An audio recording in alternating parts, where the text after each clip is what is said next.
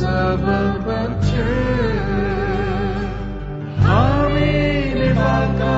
सामुदायिक रेडियो सामाजिक रूपान्तरणका लागि यो हो सामुदायिक सूचना नेटवर्क सीआईएन अहिले बिहानको छ बजेको छ। सामुदायिक सूचना नेटवर्क सीआईएनबाट अब प्रसारण हुँदैछ साझा खबर।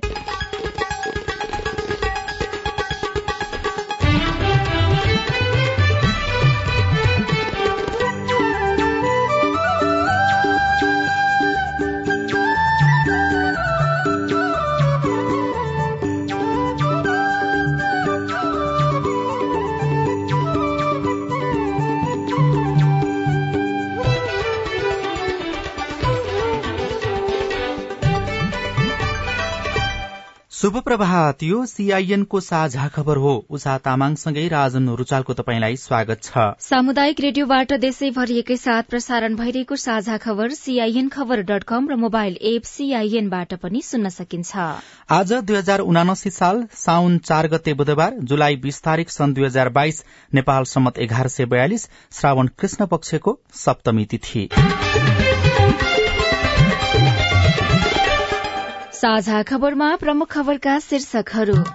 सत्ता गठबन्धनमा सीट बाँडफाँड बारे अनौपचारिक छलफल कांग्रेस एकल बहुमतको रणनीतिमा चार दलबीच मोर्चाबन्दीको तयारी एमाले पनि वाम एकताको सूत्र खोज्दै छत्तीस प्रतिशत विकास बजेट असारमै खर्च। सीसीटीभी फुटेज प्रकरणले बजेट कार्यान्वयन प्रभावित खाद्य व्यवस्था कम्पनीको सम्पत्तिमा व्यापारीको रजाई।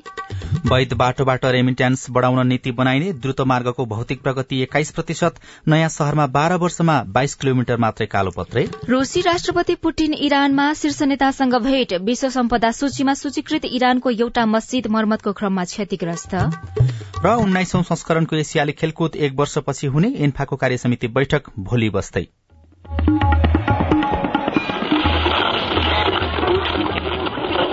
सयौं रेडियो। हजारौं रेडियो कर्मी र करोड़ौं नेपालीको माझमा यो हो सामुदायिक सूचना नेटवर्क सीआईएन साझा खबरको सबैभन्दा शुरूमा सत्ता गठबन्धनमा भएको सीट बाँडफाँडको छलफल बारेको प्रसंग गठबन्धनका शीर्ष नेताहरूले प्रदेश र संघको निर्वाचनमा सीट बाँडफाँड बारे फरक फरक प्रस्ताव अघि सारेका छन्। अनौपचारिक छलफलमा कांग्रेस र गठबन्धनका अन्य शीर्ष नेताका भिन्दा भिन्दै प्रस्ताव आएका हुन्। कांग्रेसले आफ्नो पक्षमा बहुमत आउने गरी सीट बाँडफाँड प्रस्ताव गरेको छ। एक सय पैसठी प्रतिनिधि सभा निर्वाचन क्षेत्र मध्ये आफूले पञ्चानब्बे सीट राखेर बाँकी सत्तरी सीट गठबन्धनका अन्य नेतालाई अन्य दल दिने उसको प्रस्ताव छ। एक पदाधिकारीका अनुसार सभापति शेरबहादुर देउवाले गठबन्धन दलका शीर्ष नेतासँग सीट बाँडफाँड बारे आफ्नो प्रस्ताव राखेका छन्। तर माओवादी अध्यक्ष प्रचण्डले कांग्रेस बाहेकका चार दलले पचासी सीट बाउनुपर्ने अडान राखेका छन्। संघको टुंगिय त्यही अनुपातमा प्रदेशको सीट पनि बाँड्न सकिने नेताहरूको बुझाइ छ।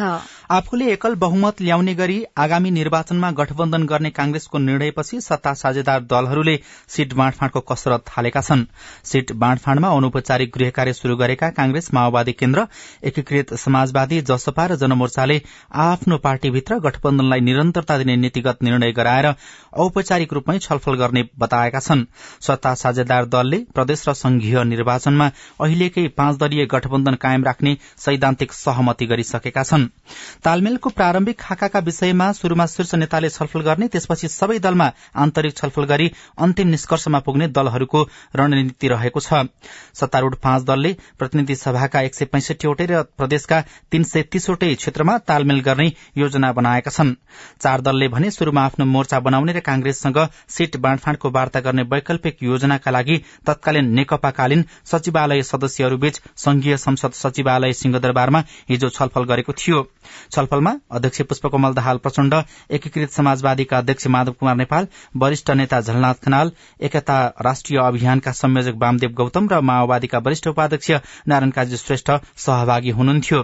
माओवादी अध्यक्ष पुष्पकमल दाहाल प्रचण्डले स्थानीय तह निर्वाचनको अनुभव लिएर कसरी जाने र विचार मिल्नेहरूको बीचमा एकताको सम्भावना बारे छलफल भइरहेको जानकारी दिनुभयो। अहिले त सबै पार्टीहरूले आफ्ना आफ्ना निर्णय गरेका छन्। नेपाली कंग्रेसको पनि केन्द्रीय समितिको बैठक सकियो। उहाँहरूको निर्णय गठबन्धन गरेर जाने तालमेल गरेर जाने भन्ने भएको छ। त्यो बारेमा पनि हामीले चर्चा गर्यौं एमालेका निर्णयहरू पनि आइरहेका छन् त्यसबारे पनि चर्चा गर्यौं र यो गठबन्धनलाई चाहिँ कायम राखेरै जानुपर्छ भन्नेमा हाम्रो कसैको पनि विमति छैन। तर कसरी प्रभावकारी बनाउने लोकल इलेक्सनको अनुभवलाई पनि ध्यान दिएर अझ प्रभावकारी चाहिँ कसरी बनाउने भन्ने बारेमा हाम्रो चर्चा भइराखेको छ। एकातिर अर्कोतिर अब हिजो हामी नेकपा त एउटै पार्टीवाला पनि भयौं। अहिले म माधव कुमार नेपाल झलनाथ खनाल वामदेव गौतम नारायण श्रेष्ठ भने त हिजोका सचिवालयका बहुमत हौं हामी नेकपाको। त्यसो भएको हुनाले विचार मिल्नेहरूको बीचमा एकताको सम्भावना बारे पनि हामी छलफल गरिरहेका छौं। हिजो पाँच दलका नेताहरूको बीचको छलफल अघि प्रचण्डले जसपाका जसपाबाट निस्किनु भएका नेता डाक्टर बाबुराम भट्टराईसँग पनि छुट्टै छलफल गर्नुभएको थियो। छलफलपछि प्रचण्डले भट्टराई अहिलेकै गठबन्धनमा रहने बताउनु भएको थियो। एकीकृत समाजवादीका महासचिव बेदुराम भूषालले सबैलाई चित्त बुझ्ने र सम्मानजनक हुने गरी स्वीट बाँडफाँडको टुङ्गो लगाउने बताउनु भएको छ।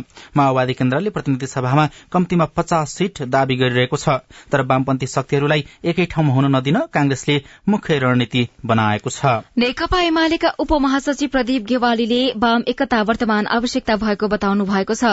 सीआईएनसँगको कुराकानीमा वर्तमान परिवेशमा वाम एकता आवश्यक भए पनि नेपाली कांग्रेसको साथ नछोडेसम्म यसको शुरूआत नहुने उहाँको भनाई थियो। कांग्रेसको साथ छोडेर आए वाम एकताका लागि नेकपा एमाले तयार रहेको उहाँको भनाई थियो। वाम एकता त आवश्यकता हो त्यसलाई कसैले पनि अस्वीकार गर्दैन। तर एक खालका वाम साथीहरू नेपाली कांग्रेसलाई देशको एक नम्बर पार्टी बनाउन कम्बर कसेरै लागिरहनु भएको छ। कंग्रेस बलियो भएको कुरामा उहाँहरूलाई गर्व छ। कांग्रेसलाई बलियो बनाउने भन्दा पनि उहाँहरूको त मुद्दा नै छ नि एमालेलाई हराउने। त्यही त एमाले हराउँदाखेरि को बलियो हुन्छ? माओवादी बलियो भयो। कि यस बलियो भयो। बलियो त कांग्रेस भयो। त्यसो भएको हुनाले कांग्रेसलाई बलियो बनाउने त्यो अभियानमा उहाँहरू रहन्जेलसम्म त एकता त कहाँनिर होला र? जुन दिन उहाँहरूले त्यो अभियान छोड्नुहुन्छ सदैव हाम्रो ढोका खुल्ला छ। हामी सहकार्यका लागि तयारै छौँ। तर एउटै मञ्चमा उभिएर त्यति कुरा बोल्नुपर्ने केही सकारात्मक सन्देशको रूपमा चाहिँ मान्छेहरूले बुझेका छन् अब नारायण खाजीले जे भन्नुभयो त्यो राम्रो कुरा गर्नुभयो। तर उहाँले सिंह पार्टीको भावनाको प्रतिनिधित्व गर्नुहुन्छ कि गर्नुहुन्न? अथवा उहाँले त्यो आफ्नो विचारमा त्यो पार्टीलाई हिँडाउन सक्नुहुन्छ कि सक्नुहुन्न भन्ने प्रश्न चाहिँ मुख्य हो। एकीकृत समाजवादीलाई राजनैतिक पार्टीको मान्यता दिन अस्वीकार गर्दै संसद अवरोध गरेको एमाले स्थानीय निर्वाचन आफ्नो बिग पक्षमा आए लगतै बिना शर्त संसद खोलिसकेको छ। नेपाल सहितका चौध सांसदमाथि कार्यवाही हुनुपर्ने उसको अडान थियो। एकीकृत समाजवादीकै कारण पनि स्थानीय निर्वाचनमा अनपेक्षित परिणाम हात परेको एमालेका केही नेताहरूको बुझाइ छ। यसले एमाले र एकीकृत समाजवादीबीच निकटता बनाउने काम गरेको नेताहरू बताउँछन्। यस्तै एमसीसी पछि नेपालमा अमेरिकाको प्रभाव बढ़दै गएको भन्दै वाम गठबन्धन र एकताबारे चिनिया पक्षले समेत चासो देखाएको छ। बजेट निर्माणका क्रममा अनधिकृत व्यक्तिलाई प्रवेश गराई करको दर हेरफेर गरेको आरोप लागेपछि राजीनामा दिनुभएका अर्थमन्त्री जनार्दन शर्मालाई जोगाउन प्रधानमन्त्री सहित पाँच दलीय सत्ता गठबन्धनका नेताहरू लागि परेको दावी गरिएको छ। स्वार्थ समूहलाई मन्त्रालयमा प्रवेश गराएर करको दर हेरफेर गर्ने कार्य आर्थिक अपराध भएको भन्दै संसदले छानबिन समिति बनाएको छ। संसदीय छानबिन विशेष समितिलाई कुनै प्रमाण प्राप्त नहुने वातावरण सिर्जना गरी पाँच दलीय गठबन्धनले अर्थमन्त्री शर्मालाई क्लीन चिट दिने अवस्था घटनाक्रमले देखाउँदै गएको स्रोतले बताएको छ। तत्कालीन अर्थमन्त्री शर्माले आर्थिक वर्ष उनासी अस्सीको बजेटको करको दर हेरफेर गर्न अनधिकृत व्यक्ति प्रवेश गराएको विषयमा छानबिन गर्न बनेको संसदीय छानबिन विशेष समितिलाई अध्ययन थालेको आठ दिनसम्म सरकारका कुनै पनि निकायबाट सहयोग भएको छैन। यसले गर्दा समिति सदस्य बीच नै मतभेद देखिएको छ। समितिका सदस्यबीच सीसीटीभी फुटेजले नदेखाएसम्म आरोप लगाउन नपाउने र विगतको अभ्यास कस्तो छ भन्ने विषयमा पनि अध्ययन गर्नुपर्ने विषयमा मतभेद देखिएको हो। समितिमा पाँच दलीय गठबन्धन दलका सदस्यले सीसीटीभी फुटेजले नदेखाएसम्म आरोप लगाउन लगाउन नमिल्ने र विगतको अभ्यासबारे पनि छलफल गर्न राजस्वका पूर्व सचिव र अर्थ सचिवलाई बोलाउनु पर्ने माग गरेको स्रोतले बताएको छ। यस विषयमा समितिमा रहेका प्रमुख प्रतिपक्षीय दलका एमालेका सांसद भने पूर्ण रूपमा सहमत छैनन्। अर्थ सचिव मधु मरासिनीले सोमबार समितिमा बयान दिँदा अर्थ मन्त्रालयमा अनधिकृत व्यक्ति प्रवेश गरेको विषय अस्वीकार गर्नुभएको थियो।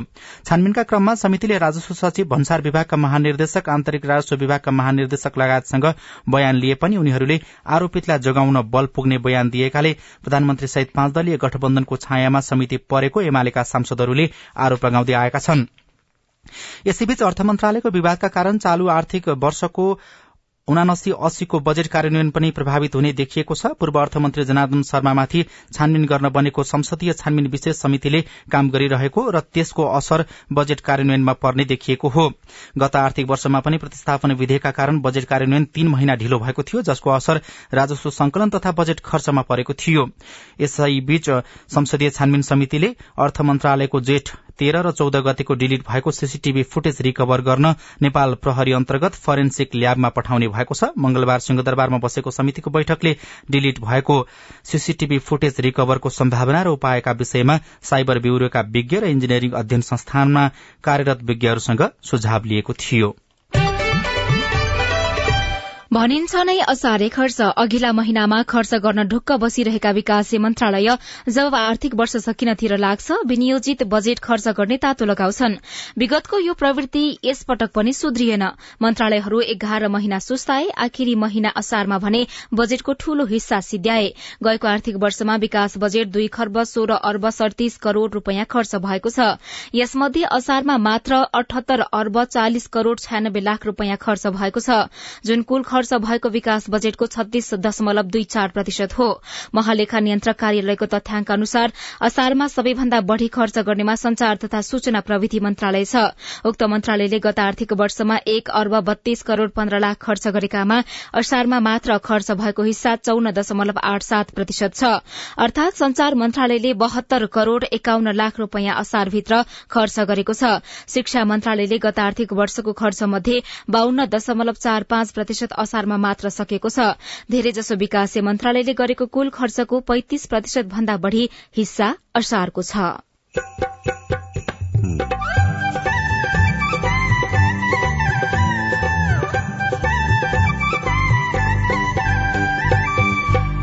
सामुदायिक सूचना नेटवर्क सीआईएन मार्फत देशभरि प्रसारण भइरहेको साझा खबरमा वैदेशिक रोजगारीमा फ्री भिसा फ्री टिकट कार्यान्वयन हुन सकेन विकल्पको खोजी गरिँदै तो मलेशिया जाए के लागी फ्री टिकट, फ्री वीसा कहे अर्जेंट सब ढुआ लेलक तो अभी जो ढुआ मांगे, दू लाख अस्सी हज़ार रूपया मांगे हैं। वैध बाटोबाट रेमिट्यान्स बढ़ाउन नीति बनाइँदै द्रुत मार्गको भौतिक प्रगति एक्काइस प्रतिशत। नयाँ शहरमा बाह्र वर्षमा बाइस किलोमिटर मात्रै कालोपत्री लगायतका खबर बाँकी नै छन्। सीआईएनको साझा खबर सुन्दै गर्नुहोला।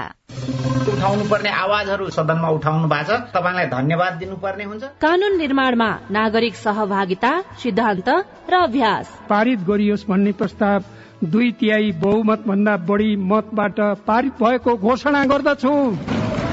कानून कार्यान्वयनमा सांसद र संसदको जवाफदेहिता। र जिल्लाको र समग्र मुलुकका चाहिँ सवालहरूलाई संसदमा उठाउने सवालहरूमा म आफूले सशक्त ढंगले भूमिका खेले भन्ने लाग्छ। संसदीय प्रक्रियामा जनता र सरकारवाला निकायको नजर। युवाको क्षेत्रमा त्यति धेरै काम भएको छैन। युवालाई चाहिँ ओजरमै राखेर अहिले काम भइरहेको छ। युवाहरूलाई चाहिँ रोजगारीमा जोड्नुपर्छ भनेर अहिले केही कार्यक्रमहरू पनि सञ्चालन गरेका छौं। जनतादेखि नेतासम्म नीतिदेखि नेतृत्वसम्म युवा सीमान्तकृत वर्ग जाति अल्पसंख्यकका सवालहरू। जनताको कुरा राख्ने ठाउँ संसदै हो। हामी कार्यपालिका होइन व्यवस्थापिका हो नीति निर्माण गर्ने हो। अब सवाल मात्रै होइन जवाबसँगै देखिन्छ प्रभाव पनि।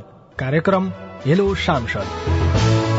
सीआईएन मार्फत मुलुकभरका सामुदायिक रेडियोमा हरेक बिहिबार बेलुकाको साझा खबरमा र भोलिपल्ट शुक्रबार बिहान साढे छ बजे कार्यक्रम हेलो सांसद। सीआईएन को फेसबुक पेज र युट्युब च्यानलमा सांकेतिक भाषामा पनि हेर्न सक्नुहुनेछ। युएनडीपी संसद सहयोग परियोजना र अकुराबको सहकार्य। नेपाल टेलिकमको सूचनाको संसार होइन के सुनेको यस्तो ध्यान दिएर दोहोरो बोलेको जस्तो नि देख्दिन। तीन दुई एक शून्य शून्य क्या? तीन दुई एक शून्य शून्य? के हो त्यो भने? बुझिन त। ल सुन एनटिसी प्रयोगकर्ताहरूले आफ्नो मोबाइल तथा ल्यान्डलाइनमा तीन दुई एक शून्य शून्य डायल गरी समाचार रेडियो कार्यक्रम खेल र अन्य विषय बारे सन्देशहरू जुनसुकै बेला निशुल्क सुन्न सक्छन्। ओहो। निशुल्क कस्तो सजिलो। समाचार सुन्न छुट्यो भनेर पिर लागेको थियो। अब त म पनि सुनिहाल्छु। कति रे? तीन दुई एक शून्य शून्य। सामाजिक रूपान्तरणका लागि यो हो सामुदायिक सूचना नेटवर्क सीआईएन तपाईँ अहिले देशभरिका सामुदायिक रेडियो सीआईएन खबर डट कम र मोबाइल एप सीआईएनबाट एकैसाथ साझा खबर सुन्दै हुनुहुन्छ। अब आज काठमाडौँबाट प्रकाशित पत्र पत्रिकाको खबर। खाद्य व्यवस्था कम्पनीको सम्पत्तिमा व्यापारीको रजाई पार्टी प्यालेस ड्राइभिङ सेन्टर र फण्डल्याण्डले तिरेनन् साढे चार करोड़ भाडा। सम्झौता अनुसार भाडा उठाउन कर्मचारीकै आनाकानी शीर्षकमा राजु चौधरीले कान्तिपुर दैनिकको अर्थ वाणिज्य पृष्ठमा लेख्नु भएको छ संचित नोक्सानी एक अर्ब रूपियाँ भन्दा बढ़ी बेहोरी रहेको खाद्य व्यवस्था तथा व्यापार कम्पनी कम्पनीको सम्पत्तिमा व्यापारीहरूकै रजगज रहेको पाइएको छ। कम्पनीका कर्मचारीले आफू खुशी सम्झौता गरी भाड़ा उठाउन आनाकानी गर्दा व्यापारीले झण्डै तीन वर्षसम्मको भाड़ा बुझाएका छैनन्। स्रोतका अनुसार भद्रकालीमा रहेको फन्डल्याण्ड इन्टरटेनमेन्ट प्राली सिंहदरबारको स्काई दरबार ब्याङ्कवेट प्राली र मुलखरको भीमसेन ड्राइभिङ सेन्टर प्राली सहितको चार करोड़ अठासी लाख रूपियाँ उठाउन बाँकी छ। कम्पनीले बक्यौता उठाउन ताकेता गरिरहे पनि भाड़ा नउठेको कम्पनीका प्रवक्ता शर्मिला नेउपानेले स्वीकार गर्नुभयो। भाड़ा उठाउने जिम्मा सम्पत्ति व्यवस्थापन तथा पूर्वाधार विकास विभागको रहेको उहाँको भनाइ छ। स्रोतका अनुसार फन्डल्याण्ड इन्टरटेनमेन्ट प्रालीले भद्रकाली स्थित किता नम्बर तेइस पञ्चानब्बेको करिब सात रोपनी जग्गा प्रयोग गरिरहेको छ। उक्त जग्गा प्रयोग बापत मासिक दस लाख एकाउन्न हजार बुझाउने सहमति छ। सोही पृष्ठमा यज्ञ बन्जारी लेख्नुहुन्छ। औपचारिक माध्यम बैंकिङ प्रणालीबाट धेरै रेमिटान्स भित्राउन नेपाल राष्ट्र ब्याङ्कले मौद्रिक नीति मार्फत केही नीतिगत व्यवस्थाको तयारी गरेको छ। ब्याङ्किङ प्रणालीबाट रेमिटान्स भित्राउने सम्बन्धमा सरकारले बजेटमा पर्याप्त सम्बोधन नगरेपछि राष्ट्र ब्याङ्कले आफ्नो कार्यक्षेत्रभित्र रहेर केही नीतिगत व्यवस्था गर्न लागेको स्रोतले बताएको छ। दक्षिण कोरिया भारत जापान इजरायल लगायत राष्ट्रमा ब्याङ्क तथा वित्तीय संस्था र रेमिटान्स कम्पनीलाई शाखा खोल्न प्रोत्साहन गर्ने तथा आवश्यक परे सहजी सहजीकरण समेत गरिदिने सम्बन्धमा छलफल भएको छ। स्रोतले भन्यो छलफल अनुसार नै नीति पारित भए थप एकदेखि दुई खर्ब रूपियाँ रेमिट्यान्स ब्याङ्किङ प्रणालीबाट भित्रिनेछ। कारोबार दैनिकमा द्रुत मार्गको भौतिक प्रगति एक्काइस प्रतिशत शीर्षकमा खबर छापिएको छ।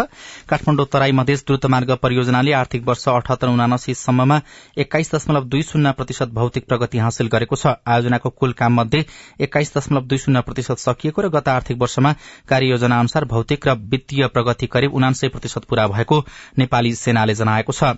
नागरिक दैनिकको पहिलो पृष्ठमा नेपालमा युरेनियम खोज्दै भारतीय सुरक्षाको टोली शीर्षकमा टपेन्द्र कार्कीले लेख्नु भएको खबर छापिएको छ।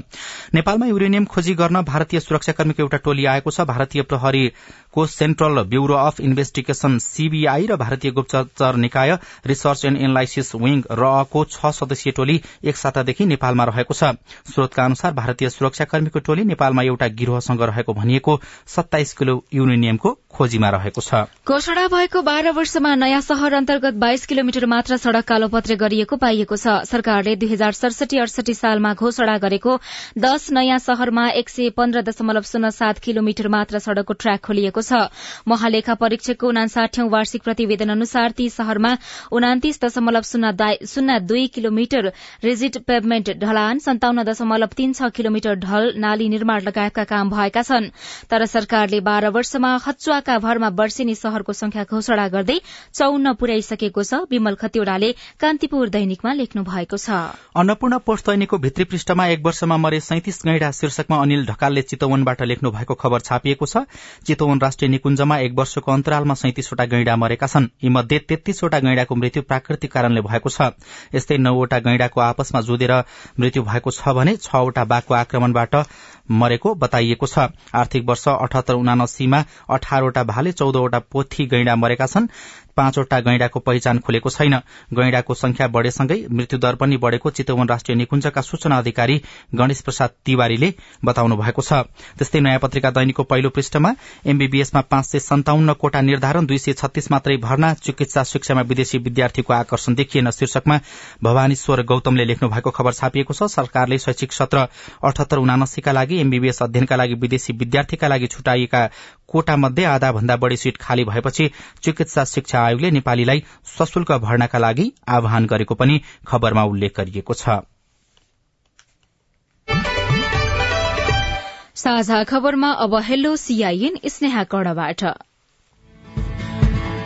म सुदूरपश्चिम प्रदेश कञ्चनपुर नगरबाट मेरो नाम कर्णबहादुर कुँवर मेरो एकजना भतिजी ज्वाइँ हुनुहुन्छ उहाँको जन्म चाहिँ इन्डियामा भएको उहाँ चाहिँ नेपाली उहाँको बुवा बाजेहरू चाहिँ इन्डियामा गएर बसेको हाल उहाँको बुवा बाजे केही हुनुहुन्न उहाँले अहिले मेरो दाईको छोरीसँग बिहे गर्नु भएको छ उहाँको नागरिकता बनाउनु लागि के गर्नु पर्ला यस विषयमा हामीले जिल्ला प्रशासन कार्यालय कञ्चनपुरका प्रशासकीय अधिकृत उद्धव सिंह कार्कीलाई सोधेका छौं। उहाँको नागरिकता त बन्न सक्छ। नागरिकता बनाउनलाई चाहिँ नेपाली हो भने आमा बुवाको नागरिकता नभए अब उनको काका या ठुलो बुवा वंशज खुल्ने बसाइको नागरिकता भएपछि त्यो सर्जिमेन्ट गरेर वंशजको जन्मको आधारमा नागरिकता दिन चाहिँ मिल्छ। मेरो नाम शुभ कुमार यादव हो। मेरो घर मोहतरी जिल्ला सन्मा गाउँपालिकामा पर्छ। शिक्षा विकास तथा समन्वय काहीँ धर्मशाला निकालेको थियो। शहीद परिवार जन पीडितको छात्रवृत्ति फर्म भर्ने त्यसमा म पनि फर्म भरेको थियो। तर अर्को आर्थिक वर्ष आउन लागेको छ। तर अहिले छात्रवृत्ति सम्बन्धी केही पनि थाहा छैन। सुबोधजी तपाईँको जिज्ञासाबारे हामीले शिक्षा विकास तथा समन्वय इकाइ धनुषामा बुझेका थियौं। शहीद परिवार जनपीड़ितका लागि खुलाएको छात्रवृत्ति अन्तर्गत अधिकांशको रकम निकासा भइसकेको छ।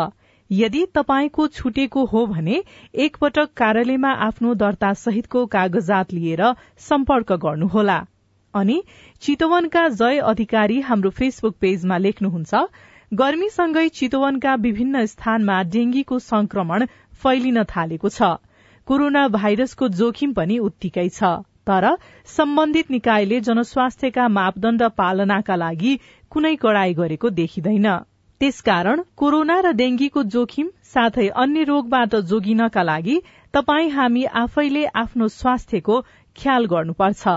तपाई जुनसुकै बेला हाम्रो टेलिफोन नम्बर शून्य एक बान्न साठी छ चार छमा फोन गरेर आफ्नो विचार गुनासो प्रश्न तथा प्रतिक्रिया रेकर्ड गर्न सक्नुहुनेछ। साझा खबरमा अब विदेशका खबर रूसी राष्ट्रपति भ्लादिमिर पुटिनले इरान र टर्कीका शीर्ष नेतासँग भेट गर्नु भएको छ। तेहरान पुगेको केही समयमै उहाँले इरानी समकक्षी इब्राहिम रैसीसँग भेटवार्ता गर्नुभएको हो। पुटिनले इरानका सर्वोच्च नेता अयातुल्लाह अली खामेनी र टर्किस राष्ट्रपति रिसेप ताएपी एर्दो आनसँग भेटवार्ता गर्ने कार्यक्रम रहेको छ। पुटिनको भ्रमणले इरानसँगको सम्बन्ध अझै मजबूत हुने अनुमान गरिएको छ। गत फेब्रुअरीमा युक्रेनमा आक्रमण शुरू गरेपछि रूसी राष्ट्रपति पुटिनको यो दोस्रो विदेश भ्रमण भएको बताइएको छ। सिंगापुरले श्रीलंकाका पूर्व राष्ट्रपति गोटाबाया राजपक्षलाई देश छोडेर निस्कन आदेश दिएको पनि खबरमा उल्लेख गरिएको छ। विश्व सम्पदा सूचीमा सूचीकृत इरानको एउटा मस्जिद मर्मतको क्रममा क्षतिग्रस्त भएको छ। सत्रौं शताब्दीमा इरानको इस्फहान शहरमा बनेको सबैभन्दा सुन्दर मानिने बाली शाह मस्जिद मर्मतको क्रममा क्षतिग्रस्त भएको अन्तर्राष्ट्रिय संचार माध्यमले जनाएका छन्। त्यहाँका अधिकारीहरूले मर्मतको क्रममा मस्जिदमा क्षति पुगेको स्वीकार गर्दै बनाउने कोशिश भइरहेको पनि बताएका छन्। साझा खबरमा अब खेल खबर। अखिल नेपाल फुटबल संघ एन्फाको कार्य समिति बैठक भोलि बस्ने भएको छ। एन्फाले सूचना जारी गर्दै बैठक भोलि बस्ने जनाएको हो। अस्ति सोमबारका लागि तय गरेको बैठक अध्यक्ष पंकज विक्रम निमुवाङको स्वास्थ्यमा समस्या आएपछि स्थगित गरिएको थियो। एन्फाले कार्य समिति बैठकका लागि बाह्रवटा एजेण्डा तय गरिसकेको छ। र उन्नाइसौं संस्करणको एसियाली खेलकुद एक वर्षपछि हुने भएको छ। यसअघि आउँदो असोज नौ गतेदेखि हुने भनेको खेल कोरोनाको कारण देखाउँदै स्थगित भएको थियो। अब सन् दुई हजार तेइसको सेप्टेम्बर तेइसदेखि अक्टोबर आठसम्म अर्थात दुई हजार अस्सी साल असोज छ गतेदेखि आयोजना गर्ने निर्णय गरिएको ओलम्पिक काउन्सिल अफ एसियाले जनाएको छ। नेपालले एसियन खेलकुदमा तेइस खेलमा सहभागिता जनाउने निर्णय गरिसकेको छ। फ्री भिसा फ्री टिकटको विकल्प खोज्दै सरकार रेडियो रिपोर्ट स्वस्थ जीवनशैली सम्बन्धी सन्देश अरू खबर र कार्टुन पनि बाँकी नै छ। सीआईएनको साझा खबर सुन्दै गर्नुहोला। कोरोनाको नयाँ नयाँ प्रजातिको डर। हात धोए मास्क लाए जान्छ पर पर। एक अर्काको दूरी पनि परै भएको जाति। गीतमा भने झै कोरोना संक्रमण दर घटे पनि जोखिम भने कायमै छ। अझै पनि नयाँ नयाँ प्रजातिका भाइरसहरू आउन सक्छन्। खोप्लाएसी कोरोनालाई जितिन्छ रे साथी। कोरोना विरुद्धको सबै मात्रा खोप अनिवार्य लगाउनु पर्दछ। कसैको खोप छुटेको छ भने वडा कार्यालय वा नजिकको स्वास्थ्य केन्द्रमा सम्पर्क राख्नु पर्दछ। एक अर्का बीचको दूरी कायम गर्ने मास्क लगाउने र साबुन पानीले मिची मिची हात धुने कार्यलाई सधैँ कायम गर्न सकेमा कोरोना मात्रै होइन। अन्य धेरै रोगहरूबाट बच्न सकिन्छ। स्वस्थ जीवन शैलीको भरमा बाँच्छौ हामी कोरोनाका। युएन उमनको सहयोगमा ल्याक र अकुराब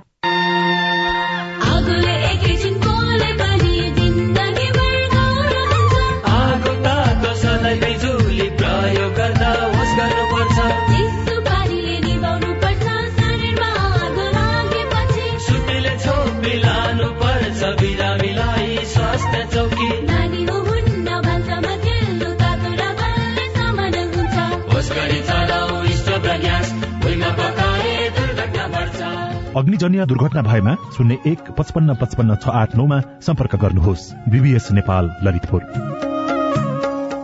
सामाजिक रूपान्तरणका लागि यो हो सामुदायिक सूचना नेटवर्क सीआईएन साझा खबरमा अब फ्री भिसा फ्री टिकटको विकल्प बारेको प्रसंग फ्री भिसा फ्री टिकटको नीति कार्यान्वयनपछि तेत्तीस लाख चौविस हजार एक सय एकानब्बे जना श्रमिक रोजगारीका लागि खाड़ी मुलुक र मलेसिया गएका छन्।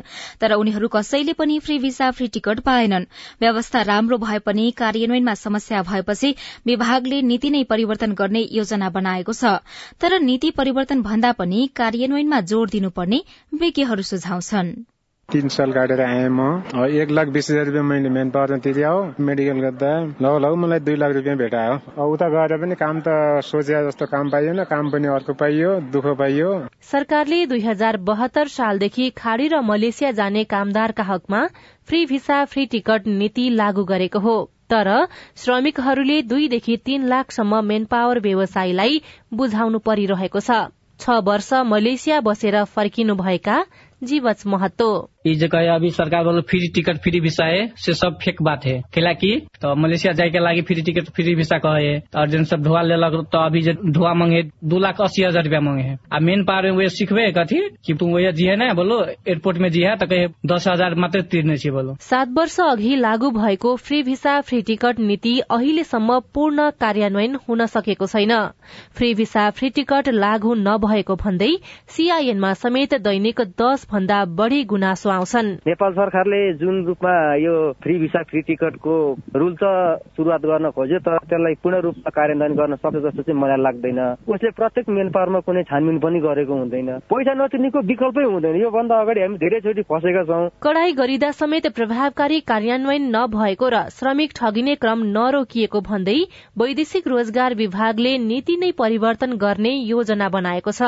सेवा शुल्क बापत श्रमिकले रोजगारदातालाई एक महिनाको तलब वा पचास हजार रूपियाँ जुन कम हुन्छ त्यही रकम उपलब्ध गराउने एक लाखसम्म तलब हुनेले पचास हजार भन्दा बढ़ी दिन नपर्ने र एक लाख भन्दा माथि आमदानी वा तलब हुने श्रमिकले तलबको पचास प्रतिशतसम्म बुझाउनु पर्ने गरी छलफल चलिरहेको विभागका महानिर्देशक शेष नारायण पौडेल बताउनुहुन्छ। दस हजार भन्दाखेरि चाहिँ अब यो कार्यान्वयन योग्य भएन। त्यसमा चाहिँ के कुरा गरिएको थियो भने रोजगारदाताले नै सबै खर्च बिहोर्ने हकमा जिरो कस्ट केही पनि लिन पाइएन। रोजगारदाताले खर्च नबिहोर्ने हकमा पचास हजार वा एक महिनाको तलब जुन कमी हुन्छ त्यो लिने। बढ़ी होइन। कसैले चार लाख महिनाको तलब खाने मैले नेपालीलाई रोजगारी दिन्छु विदेशमा भनेर कुनै कम्पनी आउँछ भने उसलाई चाहिँ दुई लाख रुपियाँ चाहिँ सेवा शुल्क दिँदाखेरि फरक पर्छ जस्तो लाग्दैन। त्यसो गर्दाखेरि यो के हो भने अलि राम्रो आकर्षक अलि बढी तलब भएको चाहिँ माग ल्याउनलाई चाहिँ प्रतिस्पर्धा हुन्छ कि भन्ने चाहिँ एउटा हाम्रो अनुमान भनौँ न एउटा चाहिँ अपेक्षा यो नीति कार्यान्वयनपछि खाड़ी मुलुक जान लाखौं रूपियाँ बुझाउनु नपर्ने र श्रमिक ठगिने क्रम रोकिने विभागको तर्क छ। यसले मेन पावर व्यवसायीको गुनासोलाई पनि सम्बोधन हुने विश्वास विभागको रहेको छ। श्रमिकहरूलाई पनि यो नीति लागू भए बढ़ी पैसा तिरेर जानुपर्ने बाध्यता हट्छ कि भन्ने आशा छ। तर रोजगार विज्ञ टेक बहादुर गुरूङ भने फ्री भिसा फ्री टिकटको नीति नै कार्यान्वयनको लागि सरकारले जोड़ दिनुपर्ने बताउनुहुन्छ। त्यसरी नै अलिक स्थिति नगरेसम्म त अब त कुनै पनि कानून त लागै हुँदैन नि। त्यसले गर्दाखेरि यसलाई नै कन्टिन्यू राखेर अब सरकारले यसलाई चाहिँ एकदम स्ट्रिक्टली चाहिँ अगाडि बढ्नुपर्छ। त्यो गरेन भने फेरि अहिले तपाईँ यो नयाँ पोलिसी बनाउनु बित्तिकै अब अहिले जस्तै दस हजारको बिल दिएर डेढ दुई लाख उठाउने भोलि अर्को के गर्छ? पचास हजारको बिल दिएर अनि दुई तिन लाख उठाउँछ यिनीहरूको। त्यस्तो खालको चाहिँ छ त्यसैले यसलाई नै कार्यान्वयन गर्नतिर लाग्नुपर्छ सरकारले। शून्य लागतमा वैदेशिक रोजगारीमा जान सकिने गरी सरकारले नीति बनाए पनि श्रमिक सरकारकै अगाडि ठगिने क्रम रोकिएको छैन। सुशीला श्रेष्ठ सीआईएन काठमाडौँ। रिपोर्टसँगै हामी साझा खबरको अन्त्यमा आइपुगेका छौं। सामुदायिक रेडियो प्रसारक संघद्वारा संचालित सीआईएनको बिहान छ बजेको साझा खबर सक्नु अघि मुख्य मुख्य खबर फेरि एकपटक। सत्ता गठबन्धनमा सीट बाँडफाँड बारे अनौपचारिक छलफल। कांग्रेस एकल बहुमतको रणनीतिमा चार दलबीच मोर्चाबन्दीको तयारी। एमाले पनि वाम एकताको सूत्र खोज्दै। छत्तीस प्रतिशत विकास बजेट असारमै खर्च। सीसीटीभी फुटेज प्रकरणले बजेट कार्यान्वयन प्रभावित। खाद्य व्यवस्था कम्पनीको सम्पत्तिमा व्यापारीको रजाई। वैध बाटोबाट रेमिटान्स बढ़ाउन नीति बनाइदै मार्गको भौतिक प्रगति एक्काइस प्रतिशत नयाँ शहरमा बाह्र वर्षमा बाइस किलोमिटर मात्रै कालोपत्रे। रूसी राष्ट्रपति पुटिन इरानमा शीर्ष नेताहरूसँग भेटवार्ता विश्व सम्पदा सूचीमा सूचीकृत इरानको एउटा मस्जिद मर्मतको क्रममा क्षतिग्रस्त। र उन्नाइसौं संस्करणको एसियाली खेलकुद एक वर्षपछि हुने एन्फाको कार्य समिति बैठक भोलि बस्ने। साझा खबरको अन्त्यमा कार्टुन लिएका छौं राजधानी दैनिकबाट। कुरी कुरी शीर्षकमा उत्तम नेपालले बनाउनु भएको कार्टुन छ। यहाँ डाक्टर बाबुराम भट्टराई जस्ता देखिने एकजना व्यक्ति छन्। अनि अर्का एकजना व्यक्ति चाहिँ मास्क लगाएर उभिएका छन्। ती व्यक्ति कार्यकर्ता जस्तो पनि देखिन्छन् सर्वसाधारण जस्तो पनि देखिन्छन्। पछिल्लो समय डाक्टर बाबुराम भट्टराई कुनै पनि पार्टीमा टिक्न नसकेको विषयलाई व्यङ्ग्य गर्न खोजिएको छ। पछिल्लो समय उहाँ निकै नै अस्थिर देखिनुहुन्छ। खास गरी सामाजिक सञ्जालमा पनि बौद्धिक भइकन पनि अस्थिर नेता भनेर उहाँले पहिचान बनाएको देखिन्छ। धेरै मान्छेले त्यसको विषयमा टीका टिप्पणी गरिराखेका हुन्छन्। पछिल्लो पटक उहाँ समाजवादी पार्टीबाट बाहिरिनु भएको छ त्यही कुरालाई व्यङ्ग्य गर्न खोजिएको छ र तल चाहिँ यस्तो लेखिएको छ। पीएचडीको पुच्छर त झुन्निरहेछ नि मेरो तर जताबाट नि लात हानेर निकाल्छन् के हार्नु? हवस् त प्राविधिक साथी सुभाष पन्तलाई धन्यवाद। अहिलेलाई राजन रुचाल र उषा तामाङ विदा भयौं। तपाईँको आजको दिन शुभ होस्। नमस्कार। यसपछि सामुदायिक रेडियोबाट कार्यक्रम साझा पहल प्रसारण हुनेछ। सुन्ने प्रयास गर्नुहोला।